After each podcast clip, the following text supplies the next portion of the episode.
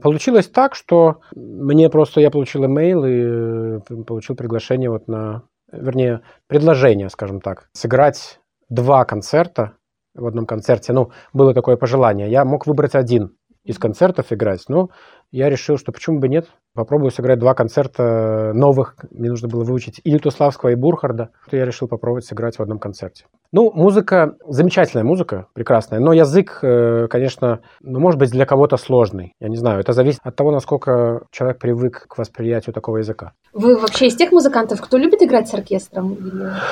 Я вообще-то предпочитаю играть камерную музыку или соло. Объясню почему. Потому что, я не, наверное, не, не всегда так было, но в наше время, по крайней мере, то, что я наблюдаю, за редкими-редкими исключениями, то, что солист э, приходит и репетирует с оркестром ну, 2-3 раза максимум включая генеральную репетицию. Вот. А это значит, что, в общем-то, ну, каких-то там деталях и глубине какой-то, ну, говорить не приходится. Ну, поверхностная довольно такая лепка, быстро слепить вместе и выпускать на сцену. Можно и так, конечно, делать такой, типа, я это называю фестивальный вариант. Но я предпочитаю работу более глубокую, где можно порепетировать, обсудить, покопаться в деталях, в нюансах, больше, меньше, чуть, вот там, где появляется чуть-чуть, то самое. Да, вот. Ну, иногда это выходит даже за короткое количество репетиций, если все складывается, э, музыканты мотивированы, и тут зависит тоже от того, насколько им можно э, дать импульс энергетический, чтобы они были воодушевлены. Это зависит тоже, конечно, от дирижера, от солиста во многом. Но я люблю, в общем, знаете, как я скажу, я люблю все, что я делаю. Вот у меня нет выбора другого, потому что если я выхожу на сцену, я обязан не то, что обязан, но как-то вынужден, что ли, должен не то слово вынужден, но так выходит, что я в любом случае люблю то, что я делаю. Потому что я не просто выхожу, чтобы что-то показать, какой-то цирковой номер там, или свою виртуозность. Я стараюсь каждый раз выходить на сцену, причем каждый раз действительно, там, будь это концерт, э, домашний концерт там, для 10 человек какой-то или огромный зал для 2000, чтобы каким-то образом ну, помочь людям помочь. Потому что один мой друг говорит, пианист э, Леша Пшеничный, э, белорусский наш пианист, что музыка э, лечит душу. Я тоже где-то он, кто-то ему сказал, тоже где-то услышал. Но я с ним совершенно согласен. Музыка лечит душу. И глядя на тот мир, в котором мы живем, и что происходит, и на все эти сумасшествия, по-русски, наверное, слово, madness, на английском, мне кажется, очень подходящее. То, что происходит в мире.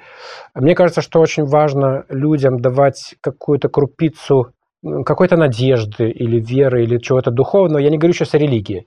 Но в музыке есть нечто, что э, человека возвращает немножко к реальности. Вот то, что я называю реальностью, это не то, что происходит в политике или где-то в мире. Это далеко совсем от реальности. По моему мнению, реальность – это нечто совершенно другое, о чем мы, большинство из нас забыли, и даже забыли, чтобы мы об этом забыли. Вот. Так что вроде бы как все, все бы и нормально все, но при этом чего-то нам не хватает. Музыка, она, мне кажется, является довольно, ну, если придумывать какую-то иерархию для творчеств, да, то музыка, она довольно высоко стоит. Она очень абстрактная. Ей невозможно Э, ну или, или очень сложно, но мне кажется, невозможно сыграть какую-то, какие-то конкретные вещи. Невозможно музыкальным, музыкальным языком сыграть стол, и что все поймут, что это стол. Это невозможно, и не нужно даже. Но музыка при этом, она работает на каких-то более глубинных уровнях, подсознательных, каких-то несознательных, возможно, даже. И она говорит языком, ну, не конкретным, абстрактным языком. Да? И я всегда стараюсь увидеть или представить себе, потому что увидеть это тоже такое слово довольно ограниченное, или ощутить, или представить, что за музыкой обязательно что-то есть. Вот. И точно так же, как я представляю себя на сцене не как артиста, который выходит и что-то дает, а как э, проводник или медиум, который что-то через тебя пропускает. Э, можно говорить о замысле композитора на каком-то уровне, можно говорить о какой-то вообще божественной энергии на другом уровне. В общем, я не знаю, как это работает, но я выхожу именно вот с таким настроением, мотивацией, и я медитирую обязательно перед выходом на сцену и настраиваю себя на какое-то такое трансовое состояние, в котором я мог бы быть прозрачным и проводить через себя какую-то энергию людям, которые сидят в зале и пришли. И из моего опыта это лучшие мои концерты, когда мне действительно это удается. Когда я не просто выхожу и отыгрываю то, что свои ноты красиво, а именно когда нечто большее стоит за тем искусством, которое я пытаюсь э, воплотить.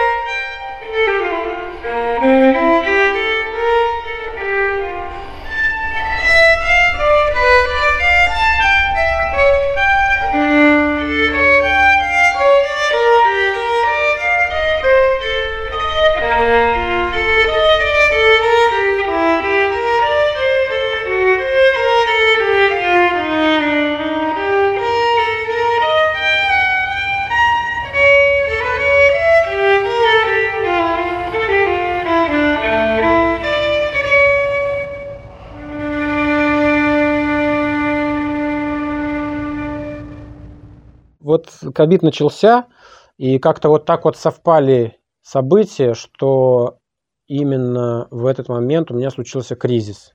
И в этот же момент тоже я, я пытался собрать березовый сок и забыл хороший нож у себя дома. И у меня был какой-то нож, ну такой плохой, без, без э, страховки. И я себе надрезал сухожилие. И я не играл 6 месяцев. Хотя мне можно было не играть, ну, 2 месяца, но я просто у меня все это вот вместе совпало, и я как бы я был, был не то что рад, но я какое-то было удовлетворение, что мне не нужно заниматься, мне не нужно играть ничего, и не нужно мучиться, в общем-то, потому что в какой-то момент, ну, это я мучился уже, потому что я не понимал, как, что, и не знал, куда дальше двигаться. Вот, а потом эти шесть месяцев пошли на, на пользу. Ну и ведь тоже э, время идет, годы идут, и если копать в каком-то направлении, если искать в каком-то направлении, то вещи какие-то открываются. И иногда бывает это по щелчку, резко, иногда это бывает очень постепенно. Я ищу в этом, отношении, в этом направлении, в направлении творчества, жизни, э, осознанности, любви и так далее. Это все, в общем-то, примерно в одном одной категории где-то. И да, и появляется и мотивация, появляется и спокойствие, и все остальное. А что вы делали эти полгода? Я, ой, я прекрасно проводил время. Я ходил в лес каждый день. Я ходил в лес. С моей подругой мы собирали растения. Вот начиная с самой ранней весны, когда первые только росточки там. А сейчас-то ведь э, очень просто проверить любое растение, сделал фотографию, там, сидентифицировал его в интернете, ну, там, проверил, почитал, естественно, все там из нескольких источников, но достаточно это просто, за 20 минут можно любое растение выучить. И мы собирали, и мы делали песто, и столько, все, оказывается, всякой вкусной еды в лесу. И э, грибы мы очень любим собирать. И даже, оказывается, есть весенние грибы. И каждый год мы сейчас до сих пор еще выучиваем 2-3 новых съедобных вида. И мы хотели гулять, и мы исследовали леса вокруг Берлина. И это было все так классно. И мы даже когда был полный локдаун, мы ну, было запрещено какое-то время вообще выходить, но мы как-то выходили типа в магазин и куда-то быстренько там на великах уезжали. И никого не было вообще. Такое ощущение, что все, все вымерло. Поэтому для нас это было очень, очень продуктивное время. И э, концертов не было вообще ни у кого, нигде. И э, это тоже хорошо, что государство э, поддержало, потому что в Германии выплачивали как бы там какой-то процент из предыдущих э, лет заработков. Поэтому это, в общем-то, было очень-очень-очень такое насыщенное время, и много очень появилось пищи как раз духовной, потом о чем Э, играть.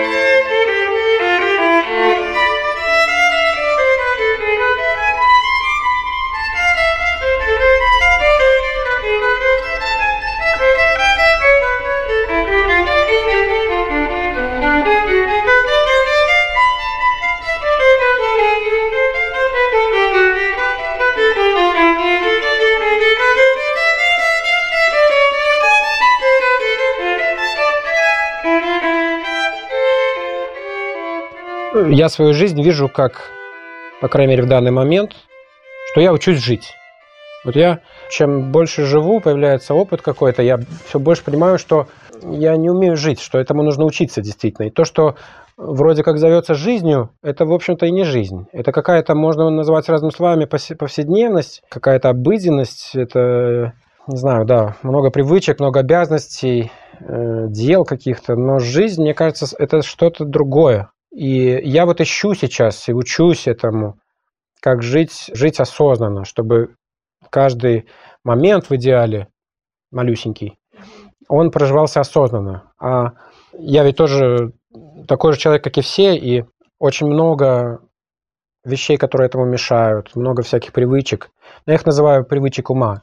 Туда входят все и зависимости какие-то, и просто привычки какие-то, полезные, неполезные.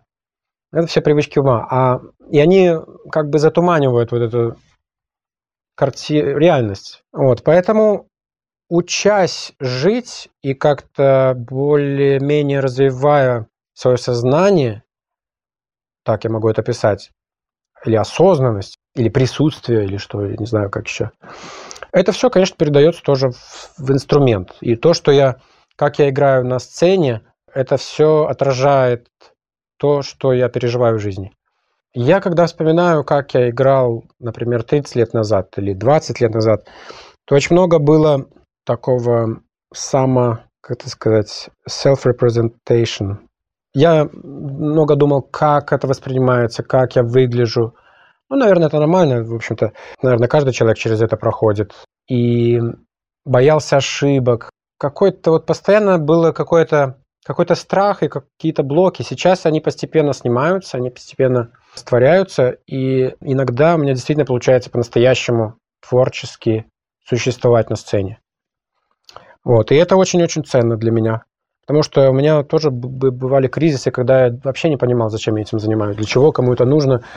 И, может, вообще это полная ерунда и чушь. И какая-то какой-то замшелое искусство, которое они вообще все как бы притворяются, что им это нравится, а на самом деле, может быть, вообще это полная фикция. Но, наверное, такие периоды бывают у всех э, людей искусства.